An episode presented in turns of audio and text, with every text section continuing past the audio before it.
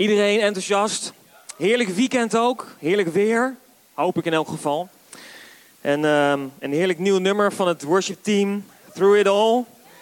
Ik vond hem, eh, ik vond hem fantastisch. Ik zat zo eh, stiekem zo tegen iemand die naast mij zat. Zei ik zo, ah, dat kan alleen in Rotterdam hè. Zulke nummers. Nee, er zit een heerlijke swing, heerlijke beat. Ik, eh, ik geniet ervan. Hey, ehm, we zijn bezig in een serie. Ehm, ik ben de kerk. En voor een aantal mensen misschien die je af, waar je afvraagt van... hé, hey, waar is Wendy nou? Wen is bij Color Conference geweest dit, uh, dit hele weekend. Afgelopen woensdagavond vertrok ze. Dus ik was um, uh, single dad voor de afgelopen vier dagen. Uh, maar ik heb het gered. Het is gelukt. I survived. Dankjewel. Hè, sommige mensen die denken van, ik snap wat je bedoelt bro. Maar andere mensen die zitten hier die denken van waar maak je je druk op kerel? Doe normaal, weet je wel. Maar goed, nee, het was, uh, het was goed te doen, maar uiteraard, we missen mommy. We missen mommy. Vooral de kids die missen mommy. Het is echt... Um... En ik weet niet of je dat wel eens hebt gedaan, maar je hebt op je iPhone... Ik wil geen reclame maken, maar heb je zo'n mogelijkheid om uh, een filmpje te starten van foto's? Iemand wel eens gedaan? En daar zitten automatische muziekjes onder.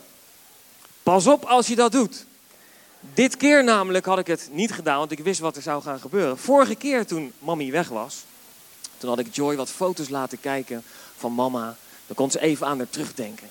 Nou, het meest sentimentele muziekje wat er maar te bedenken was, dat was als standaard muziekje ingesteld. Dus zij drukt op die playknop. En het was alsof het een soort mem memoriam was van mama. Weet je, dus zij huilen joh, huilen helemaal. Nu wilde ze echt mama zien. Dus nou goed, ik moest er natuurlijk stiekem wel om lachen, dat snap je wel. Maar goed, het is goed gekomen, dus ik adviseer je. Uh, kies eerst een muziekje uit. Kies een blij muziekje of zo, dan, uh, dan komt het misschien goed. Maar goed, ik heb het uh, overleefd. En um, Wen komt vandaag terug, dus daar, daar zien we natuurlijk naar uit. Maar we zijn bezig in onze serie Ik ben de kerk. En ik hoop dat het je helpt. Dat het je ook helpt om gewoon meer beeld te krijgen, meer vorm te krijgen van... Hey, wat, hoe heeft God nou de kerk bedoeld?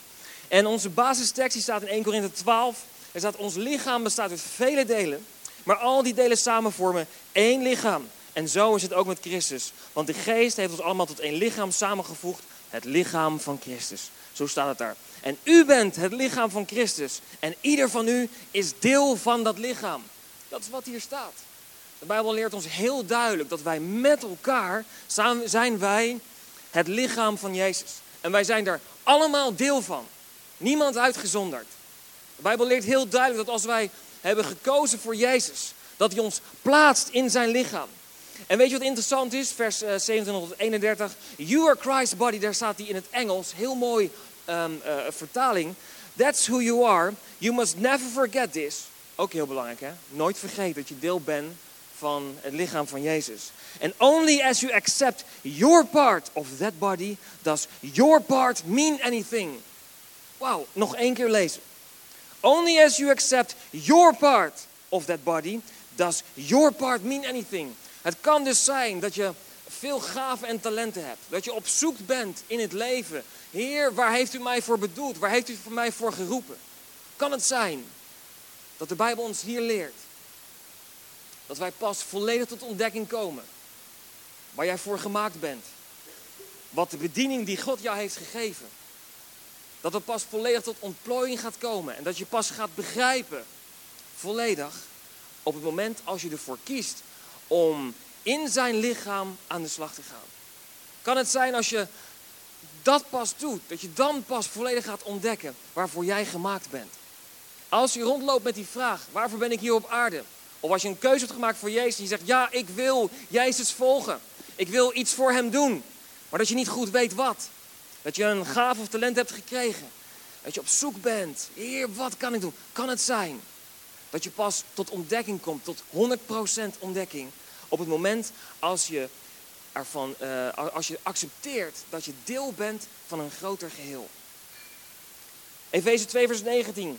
Jullie zijn niet langer vreemdelingen, jullie horen bij het gezin van God. God is idee, een gezin. 1 Petrus 2, vers 4 tot 5. Voeg u bij hem, staat hier. Laat u zelf als levende bouwstenen gebruiken. Als levende bouwstenen gebruiken. De Bijbel leert ons hier, zet jezelf in. Wees geen passieve christen. Een stoelwarmer. Oei, mag ik dat nu wel zeggen op zondag? Ah, weet je, ik geloof dat er zoveel meer is in het leven. Zoveel meer voor jou en voor mij om te ontdekken op het moment als wij actief aan de slag gaan.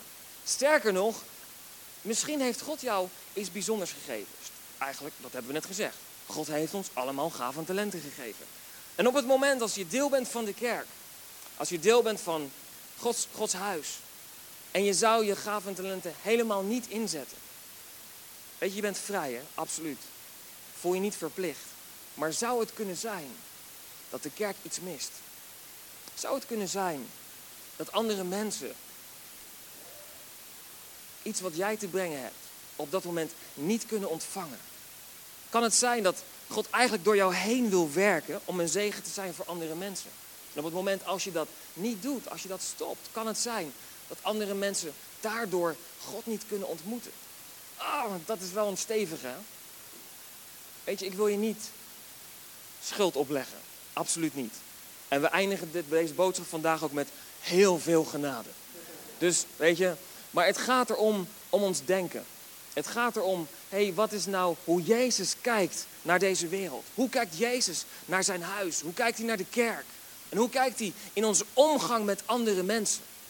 En dat is wat we in deze serie, Ik ben de kerk, met elkaar willen delen. Romeinen 12 vers 5, heel duidelijk. Zo zijn wij met elkaar één lichaam in Christus. We zijn allemaal verschillende lichaamsdelen van dat ene lichaam. We hebben dus allemaal een taak. Vorige keer hadden we het er duidelijk over, eh, ehm, heel expliciet over gehad. Hè? Dat we moeten samenwerken. Soms zeggen we, ja weet je, ik hoor bij de kerk. Ik ben, ik echt, elke zondag ben ik hier zo. En ik heb bepaalde gaven en talenten. Uh, en dat kan misschien zijn, hè, over, als het gaat over de lichaamsdelen, oog, voet, hand, oor. Vul maar in. Dat we dan zeggen, ja, ik ben het oog. Elke week kijk ik goed rond. Naar de fouten in de gemeente. Nee, dat was, uh, die, die lieten, we, lieten we apart. Ook zo'n dingetje. Als je nou iets ziet waarvan je denkt, ah, dat kan anders. Weet je, wees niet een van die 16 miljoen bondscoaches aan de zijlijn. Weet je, maar word een speler en wees onderdeel van, het van de oplossing. Weet je, in een City Life Church kan dat. Absoluut. De kerk wordt niet gedragen door ehm, alleen ik of alleen ons keyteam. Nee, jullie maken deze kerk mogelijk. En we kunnen zo gek en zo wild gaan als dat we allemaal zelf willen. Dat bedoel ik in de goede context. Als je begrijpt wat ik bedoel. Maar oog, oor, voet, hand. En ook de neus of de mond of wat dan ook. Het gaat erom dat we samenwerken. Weet je, het oog kan ergens naar kijken en zegt van hé, hey, wij moeten volgens mij die kant op. Dat is volgens mij de weg.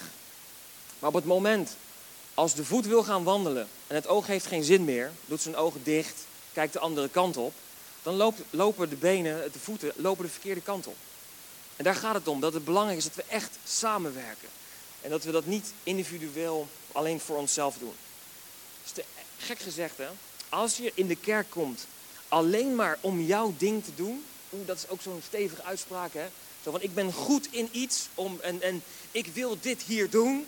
Ik kan heel goed. Ik maak geen voorbeeld, anders denkt iemand dat ik het over iemand heb. Heb ik niet, ik heb het over niemand. Maar als je ehm, zo in de kerk komt, ik wil mijn gaven en talenten hier gebruiken, dan kan dat ook nog egoïstisch zijn. Ah, echt. Weet je, als jij zegt, ik wil ehm, dienstbaar zijn in de kerk, dan is de vraag, hey, wat kan ik doen? Hoe kan ik hier helpen? Hoe kan ik hier verschil maken?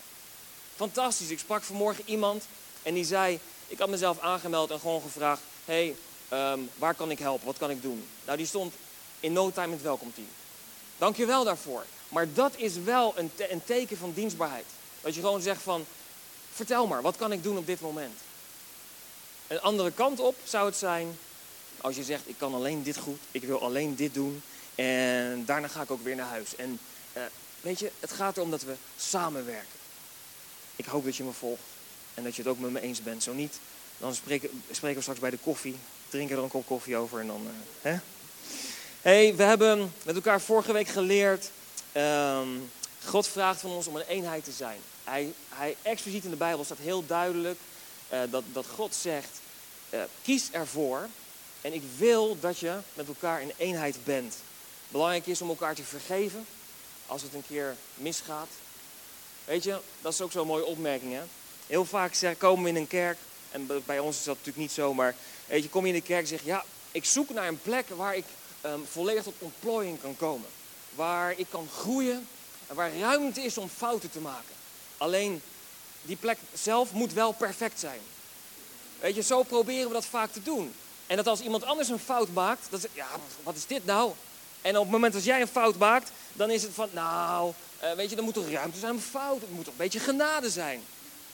Vaak projecteren we het zo. Weet je, ik wil je oproepen en bemoedigen om vergevingsgezind te zijn. Hoe oud-Hollands woord, maar het is zo belangrijk. Weet je dat als je helemaal niet vergeeft in je leven, als je andere mensen dingen schuldig houdt, dat het een blokkade is voor jezelf. Dat het jezelf stopt. De Bijbel leert namelijk ons ook heel duidelijk dat God ons vergeeft zoals wij ook andere mensen vergeven.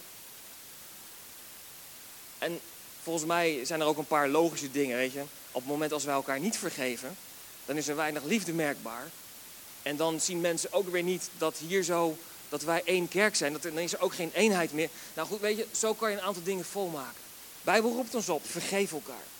Wij zijn geroepen om te dienen. De Bijbel is heel duidelijk, we zijn gered en geroepen. En vandaag wil ik met je kijken naar een paar kleine andere dingen.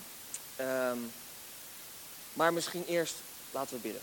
Want ik had ook beloofd, vandaag is de grote dag. Vorige week was de grootste dag. Maar vandaag is de tweede grote dag dat Feyenoord de beker gaat winnen. Toch? Kijk, daar is een sjaal achterin. Een echte fan. Ik moet eerlijk zeggen, ik ben mijn sjaal gewoon helemaal vergeten. Die ligt nog eh, ergens thuis. Laten we bidden. Vader, dank u voor deze dag. Heer, voor uw grootheid en uw aanwezigheid hier. En dank u, Heer, voor wie u bent en voor het woord, Heer, wat u wil spreken. En Heer, als we met elkaar het woord openen, als we lezen over ik ben de kerk, als we uh, op ontdekkingsreis zijn, Heer, hoe u de kerk werkelijk bedoeld heeft, Heer, dan wil ik u bidden dat u iedereen persoonlijk zegent en aanraakt en toespreekt. Heer, als we in ons hart kijken, dan weten we, Heer, waar we zijn. En u kent ons hart. U weet, Heer, wat we nodig hebben. En ik bid, Heilige Geest, dat u ons persoonlijk aanraakt in onze reis. En Heer, als er dingen zijn die ons raken, die ons pijn doen, Heer, die we moeilijk vinden, dan bid ik ook, Heilige Geest, dat u laat zien hoe dat zo kan zijn. En wat we eraan kunnen doen, Heer, om daarmee af te rekenen, zodat we verder kunnen groeien. En zodat we geplant in uw huis vrucht kunnen dragen tot in lengte van dagen. En op dit moment, Heer, bidden we voor Feyenoord dat ze vanavond bekerkampioen zullen worden. En dat we dat volgende week met elkaar zullen vieren. In Jezus' naam. Amen. Wauw. Nou, je weet hoe het was, hè? Toen Wendy en ik hier zo uh, campuspastors werden. Ik heb het al een paar keer gezegd. Toen is het met Feyenoord alleen maar bergopwaarts gegaan. Het eerste jaar werden ze landskampioen. Uh, nee, bekerkampioen. Toen werden ze landskampioen. En nu gaan we ervoor dat ze weer bekerkampioen worden. Maar, bekerkampioen, of de beker winnen. Maar stel je voor dat ze nou niet winnen. Hè? Wat zou dat dan zeggen? Wat zou dat dan zeggen? En weet je wat interessant is? Dat ons leven vaak zo in elkaar zit. Dat wij ons lot verbinden aan externe factoren. En dan zou ik tegen je zeggen, of tegen mezelf zeggen: Serious? Laat je je bestemming die God voor je heeft afhangen van of Feyenoord kampioen wordt of de beker wint? Hallo? Weet je, we hebben allemaal te maken met dingen in ons leven, dingen die gebeuren. En het is aan ons om te kijken hoe we daarmee omgaan. Weet je, wij kunnen niet alles controleren. Het liefste zouden we natuurlijk een perfecte weg in ons leven willen hebben. Maar dat gebeurt niet. Feyenoord verliest ook wel een keer. Wordt ook een keer geen landskampioen. Kan gebeuren. Maar dan is je leven gelukkig niet voorbij. Weet je? Dus verbind je lot niet aan het kampioenschap van Feyenoord. Toch? Hey, vorig jaar toen Feyenoord uh, kampioen werd, toen heb ik uh, gesproken over Heart of a Champion. En misschien was je daarbij, we hadden een aantal hele mooie punten met elkaar gedeeld over um, hoe het in een kampioensteam zit. Wat voor eigenschappen ze hebben en hoe ze toegewijd zijn aan elkaar. En nou, die preek ga ik vandaag niet overdoen. Maar er zijn nog steeds wel een aantal hele interessante punten die we kunnen halen uit sport. Of, en vooral uit teamsport. Uh, hoe we ook in een kerk met elkaar kunnen omgaan. En een van die dingen, uh, misschien ken je voetballer Kuit. Een heel beroemde en een bekende Feyenoorder. Maar Kuit is christen. Kuit gelooft in God, gelooft in Jezus. En er zijn er meerdere, meerdere voetballers. En het, het, ziet er ook naar uit dat ehm, geloof in de voetballerij steeds meer geaccepteerd wordt. Het is niet dat als ze omhoog wijzen, nadat ze gescoord hebben, dat ze dan, ehm, ja, ik weet niet precies wat ze dan doen, maar weet je, naar de zon wijzen of naar de wolken. Nee, er zit, voor veel voetballers zit daar een, een, een, een diepe betekenis, eh, dat ze hun geloof ook willen uitdragen. Dus je hebt wel eens gehoord van voetballer Kaka. Die scoorde een tijd geleden, maar tegenwoordig mogen ze die shirtjes natuurlijk niet meer omhoog doen. Hè?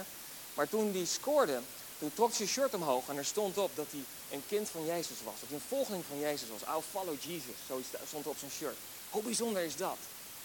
En als het dan gaat over topsport, of ze op zondag spelen ja of nee, wat een getuigenis kunnen deze mannen zijn. Fantastisch. Ik vind het te gek. als we kijken even naar, terug naar Kuit en naar Wijnaldum. Wat zij deden was bidden voor de wedstrijd. Er is een documentaire gemaakt over Kuit, waarin blijkt dat hij voor elke wedstrijd trok hij zichzelf terug in een kamertje apart. En ik weet niet precies welk kamertje dat was, maar um, daar ging hij gewoon Bijbel lezen. Gewoon bij God zijn. Hoe bijzonder is dat? En als we het verhaal van Wijnaldum er nog eens op naslaan. Wijnaldum, fantastische voetballer. Maar je ziet ook wat voor positieve invloed hij heeft op het veld. Ik weet niet of je dat wel eens gezien hebt. Maar op het moment als hij daar is, met die brede glimlach. En uh, hoe hij voetbalt, hoe hij een team bij elkaar, weet je, motiveert. Fantastisch om te zien. Wijnaldum vertelde dat ze voor elke wedstrijd bidden. En hij biechtte op dat, hij, dat ze niet bidden voor winst. Dat doen ze niet. Maar ze bidden voor uh, bescherming van de spelers. Dat ze geen uh, blessures zullen krijgen. En dat God gewoon bij ze zal zijn. Hoe bijzonder is dat? Ik vind het bijzonder. En als we dit dan eens even terughalen naar ons als kerk, dan denk ik dat we elkaar eens de vraag mogen stellen en elkaar eens goed kunnen aankijken en zeggen van hé, hey, zoals dat in de voetballerij voor mensen die gelovig zijn heel normaal is, dan is de vraag aan ons, in hoeverre bidden wij voor ons eigen team? In hoeverre bidden wij voor onze eigen kerk? Daar hoef je nu geen antwoord op te geven, het wordt ijzig stil. En weet je, ik sta hier zo ook. Dat ik zeg, ik zou veel meer moeten bidden. Ik zou veel meer bij God moeten zijn. Ik zou veel meer dingen voor God moeten, moeten neerleggen. Maar ik ben net zoals jij. Weet je, ik ga ook naar mijn werk, vier dagen in de week. Weet je, ik heb een gezin met twee kids en ik weet hoe het is, weet je, om een, om een druk leven te hebben. En toch zit er een sleutel in gebed. Gebed kan verschil maken. Sterker nog, gebed maakt verschil. En daarom is het zo belangrijk dat we voor elkaar bidden. En dat wij voor elkaar als kerk bidden. En dat jullie, en dit is een klein beetje awkward om dit te doen, hè, maar we hebben het nodig dat je bidt voor de leiders. En ik ben heel eerlijk, ik heb het nodig dat jullie allemaal voor mij bidden. Wauw, zegt hij dat nou echt? Nee, je moet niet voor me bidden, lieve mensen, absoluut niet. Voel je vrij. Maar ik wil je wel zeggen, en zo nederig als dat ik dat kan doen, ik heb het nodig dat je voor me bidt. Weet je, de Bijbel is heel duidelijk over een aantal dingen. De vijand vindt het niet leuk wat hier gebeurt. Kijk hoe fantastisch vol deze ruimte weer zit. En er is hier echt iets aan het gebeuren. Mensen komen tot geloof. En mensen komen niet alleen tot geloof, maar mensen veranderen ook. Jezus is aan het werk in ons allemaal. Jezus doet een heel bijzonder werk. En er is een vijand die dat niet leuk vindt. En in het bijzonder vindt hij niet leuk als er mensen opstaan en zeggen: Jezus, u mag mij gebruiken. Werk door mij heen. Hoe kan ik een zegen zijn voor iemand anders? Want op het moment als dat gebeurt, dan word je gevaarlijk. Weet je, de vijand is niet zo onder de indruk van een christen die wel gelooft, maar eigenlijk verder niet heel veel doet. Dat maakt niet uit. Weet je dat? Oké, weet je, eenmaal, als je eenmaal gekozen voor Jezus, prima. Maar op het moment als je gaat opstaan en je gaat zeggen, hé, hey, ik ga verschil maken. Ik ga met de gaven en talenten die God mij heeft gegeven, ga ik zijn huis dienen. Of ik ga uh, zorgen voor een aantal mensen. Dat vindt de vijand niet leuk. En hij gaat, doet er alles aan. En hij zal er alles aan proberen te doen om het kapot te maken. Op allerlei verschillende manieren. Weet je, het is belangrijk dat je bidt voor het woord wat gebracht wordt. Als ik hier sta, ik bereid me voor, ik bid ervoor. Maar hoeveel krachtiger zou het woord kunnen zijn als wij allemaal, en dat hoeft niet een uur bidstond te zijn, Weet je, de Bijbel leert ons, bid niet met omhaal van woorden. Zeg gewoon wat je wil bidden. Dat heeft mijn vrije vertaling. Maar dat zou, zo staat het in de Bijbel. Weet je, als wij allemaal zouden bidden van Heer, ik bid dat zondag het woord scherp zal zijn. Als een tweesnijdend zwaard. Dat het rechtstreeks uit uw woord is. Dat het uw geest is die spreekt. En als wij allemaal dit bidden, dan zal je merken dat ook je verwachting bij jezelf anders is. Je bent voorbereid, je komt in de kerk en je zegt: Ik heb gebeden voor het woord. Dus ik verwacht dat God daardoorheen spreekt tot mij persoonlijk. En dan zit je hier met verwachting. En God gaat spreken. En als die verwachting stijgt, wauw, wat gaat God doen in jouw leven? Wat gaat God doen door jou heen in het leven van iemand anders? Ik zie daar naar uit. Maar bid ook voor de gezinnen van de leiders. Niet alleen voor mij en voor Wendy, maar bid voor het hele key-team. Voor Henk en Siar, voor Vincent, voor Kees. En ook voor je connect-leider, voor de teamleiders, voor alle leiders. Bid voor alle leiders. Dat God ze beschermt en bij ze is. En niet alleen dat, maar bid ook voor de gezinnen. En ik zal je vertellen, weet je, dat er is een verhaal in de Bijbel en ik zal niet heel de context geven, maar er is een verhaal in de Bijbel dat David uh, in de Bijbel die ging uh, um, uh, strijden. Hij ging um, ja, zijn ding doen waar hij eigenlijk goed in was. En op het moment dat hij bezig was, en nou is het verhaal wel zo dat ehm, hij niet helemaal in het plan van de Heer was. Beetje zo. Dat is heel belangrijk om te weten. Maar David was bezig, hij was aan het strijden. En op dat moment dat het gebeurde en hij dacht dat hij goed bezig was, werd thuis, zijn thuis werd overvallen. Al zijn vrouwen werden meegenomen. En in die tijd hadden ze meer dan één vrouw. Volgens mij had David er twee. Zijn kinderen werden meegenomen. De, uh, maar ook niet alleen van hem, maar van al de mannen die hij uh, bij zich had. Zijn hele dorp waar hij woonde werd in as gelegd. Hoe bizar is dat? Hoe bizar is dat? God, waar bent u in dit alles? Ik denk dat we hiervan mogen leren dat onze leiders gebed nodig hebben. Dat op het moment als ze opstaan en hun hoofd boven het maaiveld uitsteken, dat ze net op tijd bukken voor als die zeis voorbij komt. Als je snapt wat ik bedoel. Ik geloof dat God ons wil beschermen, absoluut. Maar ik geloof ook dat God aan ons allemaal vraagt om te bidden voor onze leiders.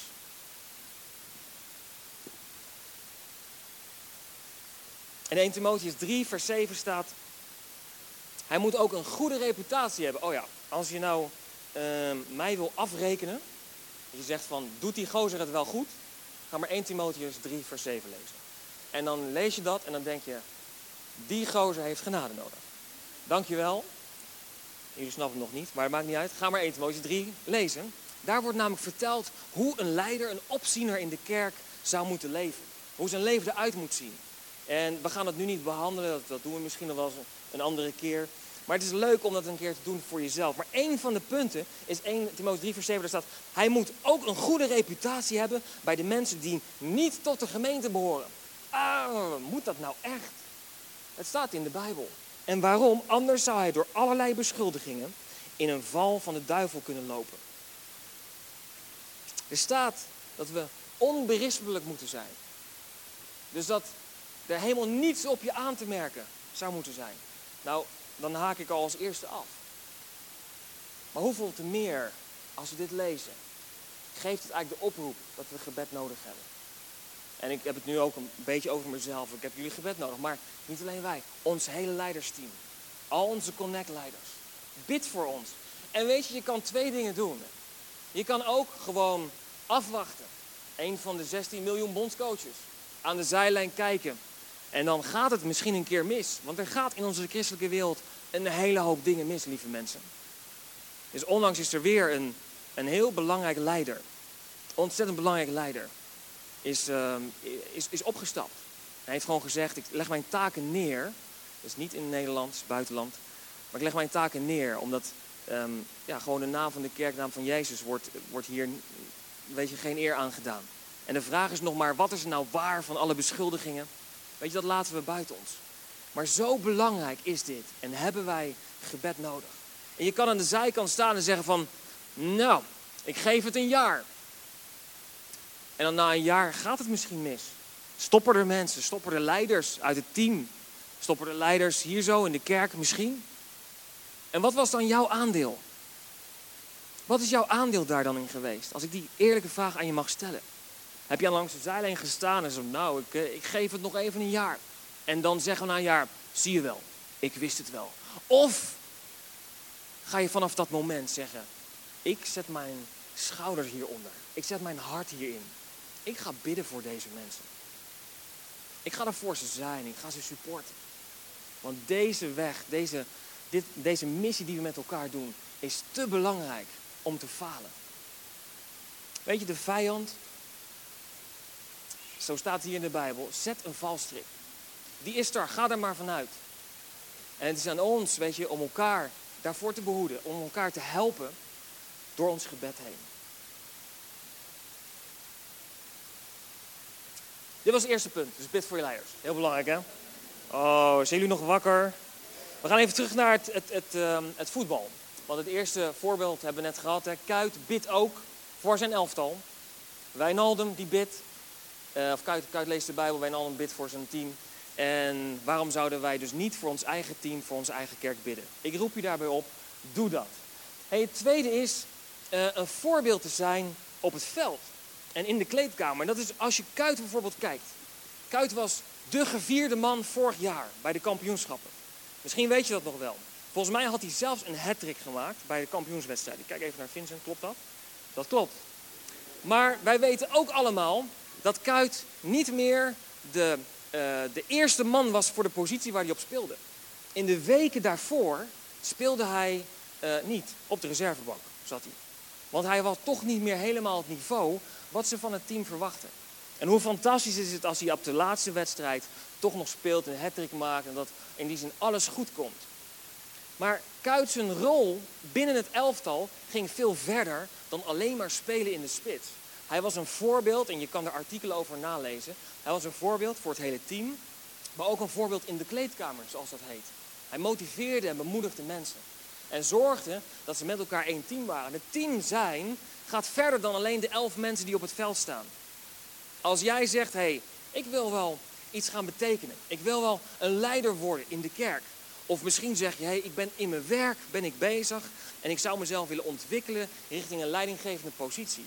Of richting een volgende, om een volgende stap te maken. Dan is het belangrijk om voorbereid te zijn.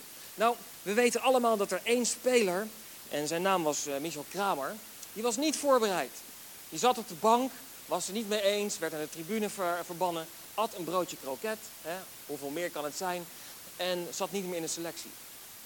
Wat ik hiermee wil zeggen is, zorg, ook al sta je nog niet op de plek waar je zou willen staan, dat je voorbereid bent. En dat je jezelf aan het voorbereiden bent om op het moment als de coach zegt, nu is het jouw moment. Nu heb ik je nodig in het, in het veld, zodat je klaar bent om te spelen. Ik heb het voorbeeld in het worshipteam wel eens gebruikt. We hadden een, een hele lange tijd geleden had ik een, uh, een, aantal muzikanten waar we mee speelden.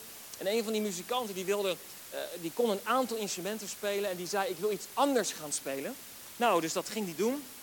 En toen was het moment daar dat hij mocht uh, ingezet worden. Het was echt zo'n zo'n plotseling moment. Oh, we hebben nog iemand nodig op die en die. Oh, maar hij is getraind. Nou, ik, ik zal je besparen wat er allemaal gebeurde. Maar hij verknalde al zijn solo's. Nou, je snapt wel, hij heeft daarna niet meer op die positie gespeeld. Het tegenovergestelde is ook waar. Iemand kwam naar me toe die zei: Daan, wanneer is het tijd dat ik ingezet kan worden? En ik zei tegen hem: bereid je voor, het is sneller dan dat je denkt. En inderdaad, twee weken later was hij nodig op een bepaalde positie. En vanaf dat moment speelde hij elke twee weken. De vraag is: zijn wij klaar om ingezet te worden? En weet je, als het gaat over dit voorbeeld, over een voorbeeld zijn, als het gaat over Kuit en deze situatie, dan wil ik je meenemen naar het verhaal over een voorbeeld zijn voor ons gezin. En de Bijbel die is daar ook heel duidelijk over. En de vraag is, betrek je gezin in een gezond kerkleven. En misschien zeg je wel eens van, hé, uh, ja, mijn tienerzoon, mijn tienerdochter. En ik zal niks daarover zeggen, lieve mensen, want ik heb nog geen tieners. Dus ik kan daar, ik kan daar nog helemaal niets over zeggen. Wat ik wel weet, wat ik kan zeggen, is dat goed voorbeeld doet goed volgen. Dat is een gezegde. En het is ook echt duidelijk, duidelijk merkbaar als ik kijk naar Lieve Zek. We waren gisteren waren we in uh, Plaswijk Park. Het was natuurlijk heerlijk weer. En ze gingen het water in en Joy, nou, is echt een waterrat, dus die was weg. Maar Joy, haar vader, ik dus, die houdt niet zo heel veel van water. Die vindt dat, nou goed, oké, omdat het moet. En toen was Zack aan de beurt. Nou, je raadt het natuurlijk al. Die zette zijn voetjes erin en in no time was hij er weer uit. En toen dacht ik, zou dat echt zo zijn? Dat hij, omdat ik niet het water inga. En ik dacht, ja, misschien niet. Misschien dat het ook echt koud is. Maar ik zag later gebeuren dat hij zijn zonnebril opdeed op het moment dat ik mijn zonnebril opdeed. Hij deed zijn zonnebril af op het moment dat ik dat deed. Hij deed hem hier zo, de zonnebril, toen ik dat ook deed. Hij deed exact. Hij, weet je, hij wilde zijn jasje aan op het moment dat ik dat deed. Lieve mensen, wij allemaal hebben een voorbeeldfunctie voor ons eigen gezin. Als jij zegt, ik wil dat onze kinderen later, en ik heb het nu even over later, gelovig zijn, dat ze bij Jezus zijn, dat ze Hem volgen, dat ze Hem dienen. Dan is het aan ons om te kijken, wat zijn wij nu op dit moment aan het doen? Wat is ons voorbeeld op dit moment? Want dat is een zaad wat in hun hart komt en waar ze tot een lengte van dagen naar zullen kunnen terugkijken. Het betekent niet een garantie, absoluut niet. Maar ze hebben wel het voorbeeld meegekregen. En de impact die je maakt is veel groter dan dat je denkt. Weet je, de Bijbel uh, is eigenlijk heel duidelijk. In Efeze 5, vers 32 33. Het is een diep geheim. En ik zeg het om het duidelijk te maken voor wat de verhouding is tussen Christus en zijn gemeente. Voor ieder van ons persoonlijk komt het erop neer. De man moet net zoveel van zijn vrouw houden als van zichzelf. En de vrouw moet haar man respecteren. Zo staat het in de Bijbel. En wat ik hiermee wil zeggen, is dat Jezus zoveel van zijn kerk houdt. Zo ontzettend veel van zijn kerk houdt. Dat hij alles heeft gegeven. En dat het aan ons is om in dat voorbeeld met de kerk om te gaan. Met de mensen hier in, ons, in onze gemeente en ook de mensen van andere kerken om te gaan. En om daar zo een juist voorbeeld in te stellen. Ik heb nog zoveel te vertellen, lieve mensen. Oh man. Weet je, als het hierover gaat en we gaan richting het einde. En we hebben het over um, een voorbeeld zijn in de kerk, in zijn huis zijn. Als we het hebben over deel zijn van zijn gemeente, een levende bouwsteen. Dat we zeggen van wat draag je eigenlijk bij? En weet je, dan kan het zijn dat het opstapelt voor jezelf. En dat je iets hebt van, um, maar waar houdt dit op? Waar gaat dit naartoe? Wat moet ik nog meer doen in het leven? Wat moet ik nog meer doen om in de kerk um, ja, eh, weet je, te kunnen voldoen aan? Wat vraagt God eigenlijk allemaal van? Weet je, en het kan zijn dat deze vragen bij je opkomen. En dat dit gevoel met je meekomt. En ik wil je meenemen naar één Bijbeltekst die daar zo heel duidelijk en heel scherp iets over zegt. En dat was het verhaal van de rijke jongeling, zoals we dat in Oud-Nederlands zeggen. In Nieuw-Nederlands staat gewoon de rijke man. Maar het verhaal gaat als volgt. Het staat in um, vers 17, Marcus 10, vers, uh, vanaf vers 17. En daar dus kwam iemand naar Jezus toe en die viel voor hem neer en hij zei: Goede meester, wat moet ik doen om het eeuwige leven te krijgen? Je hoort de vraag al: wat moet ik doen om het eeuwige leven te krijgen? Jezus zei: Waarom noem je mij goed? Alleen God is toch goed? U kent de geboden. Daar ging Jezus een opzomming maken van je mag niet doodslaan, geen overspel, je mag niet stelen, niet vals beschuldigen. Het eerbied voor uw vader en uw moeder. Daar heb ik me altijd aan gehouden, zei deze man. En toen werd het duidelijk, uh, het was duidelijk zichtbaar dat Jezus genegenheid voor deze man. Een andere vertaling staat, Jezus hield van deze man. En toen zei Jezus, er is één ding wat je nog niet gedaan hebt. Ga naar huis, verkoop alles wat je hebt en geef het geld aan de armen. Kom dan terug en volg mij, dan zul je rijk zijn in de hemel. En het gezicht van de man betrok, verdrietig ging die weg, want hij was erg rijk. En hier ligt vaak de focus op voor onszelf. Dat we zeggen, hé, hey, dus deze man had zoveel rijkdom dat hij dat niet kon afstaan aan Jezus. En dat hij, dat eigenlijk een blokkade was om een volgeling van Jezus te zijn. En dan zeggen wij, we moeten, dat is onze vertaling, we moeten alles afleggen voor, om Jezus te kunnen volgen. En ik zeg, ja, dat is zo. Dat klopt. Maar is er misschien nog een diepere betekenis? Is er nog meer wat we hieruit kunnen halen? Weet je, Jezus zei, daarna ging hij het uitleggen aan zijn discipelen hoe het zat. En de vraag was, maar wie kan er dan in de hemel komen? Dit is een soort onmogelijkheid. En toen zei Jezus, menselijk gezien, inderdaad niemand. Niemand kan gered worden. Maar bij God is alles mogelijk. En als we dit verhaal bekijken in de context zoals het is, hoe vaak is het niet zo dat wij in ons leven bezig zijn om dingen te doen voor God? Dan zeg je, Heer, ik ben bezig voor U. En wat kan ik nog meer doen om een beter mens te worden? Om dichter bij Jezus te komen? En dat was eigenlijk wat deze jongeling vroeg, deze man, wat hij vroeg aan Jezus. En Jezus die hoorde dat aan en hij hield van. Want Jezus houdt van iedereen. Het is niet zo dat Jezus in het bijzonder van deze man hield, een soort lieveling. Nee, Jezus houdt van iedereen en van iedereen gelijk. Is Bijbels. Jezus houdt ook van deze man die bezig was om zijn eeuwigheid te verdienen door dingen die hij deed. Want hij hield zich aan deze geboden zoals het hier staat. Niet doodslaan, geen overspel, niet stelen, niet vals beschuldigen. En weet je wat Jezus daarop zei? Als ik hem zo vrij mag vertalen. Dit gaat je niet helpen, is wat hij tegen deze man zei. Sterker nog, de wet kan je nooit aan voldoen. Er is altijd nog wel een regeltje waar we ons niet aan gehouden hebben. Er is altijd nog wel een ding wat we meer zouden kunnen doen om proberen nog beter te worden. Dat is zoals het hier staat. En wat Jezus hier eigenlijk zei. Je kan niet in de hemel komen door iets te doen. Door nog meer dingen te doen. Maar het enige wat je hoeft te doen is genade te accepteren. Weet je, de Bijbel heeft ons geleerd. Zo sterk en zo duidelijk. Dat we genade hebben mogen ontvangen als een gift. En dat dat niet, is, niet iets is wat we hebben gekregen door iets wat we gedaan hebben, door een verdienste, zoals het in de Bijbel staat. En dit is de basis van ons geloof, lieve mensen. Als het gaat over kerk zijn, als het gaat over in zijn huis zijn, als het gaat over groeien in onze relatie met Jezus, dan gaat het er niet over hoeveel meer goede dingen we zouden kunnen gaan doen om in een goed blaadje te komen. Zodat Jezus misschien meer van je gaat houden. Zodat je misschien belangrijker bent. Nee, het is helemaal andersom. Al deze dingen doen zal niets bijdragen dat God meer van je houdt. Want het staat hier duidelijk. Jezus zegt. Het staat hier dat Jezus hield van deze man. Terwijl hij bezig was om dingen te doen voor God en daarmee in een goed blaadje te komen. Eigenlijk was hij best trots op zichzelf. Kijk, ik doe dit allemaal al. Dan heb ik toch wel eeuwig leven verdiend. Zo werkt het niet, lieve mensen. Het is andersom. Als eerste genade ontvangen van Jezus. Als eerste genade ontvangen van Jezus. En dat is je nieuwe fundament, je nieuwe startpunt. Waar vandaan ons geloof gaat groeien. En van daaruit komen hele mooie dingen. Ik geloof dat God door jou en door mij heen wil werken. En iets bijzonders wil doen. Maar niet om jezelf daar beter door te voelen. Omdat je dan denkt dat je meer verdient. Maar andersom. Terug in genade. God goed voor je is. Van je houdt. Dat is de basis.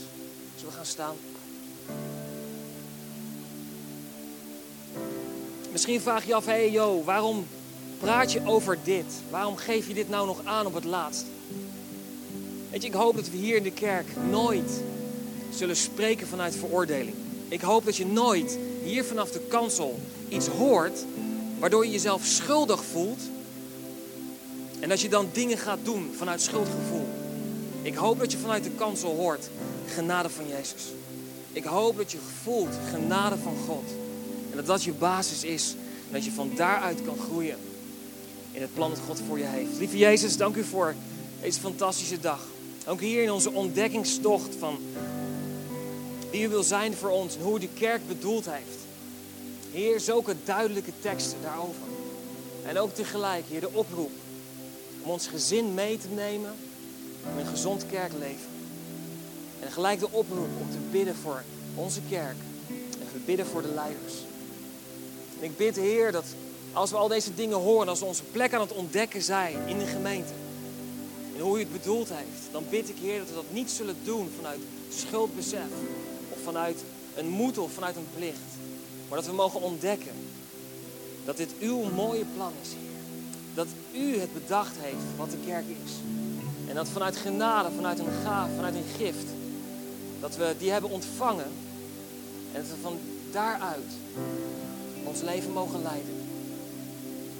Dat we van daaruit, Heer, U door ons heen zullen gaan zien werken. Dat we een verschil kunnen maken in de wereld rondom ons heen. In Jezus' naam. Amen.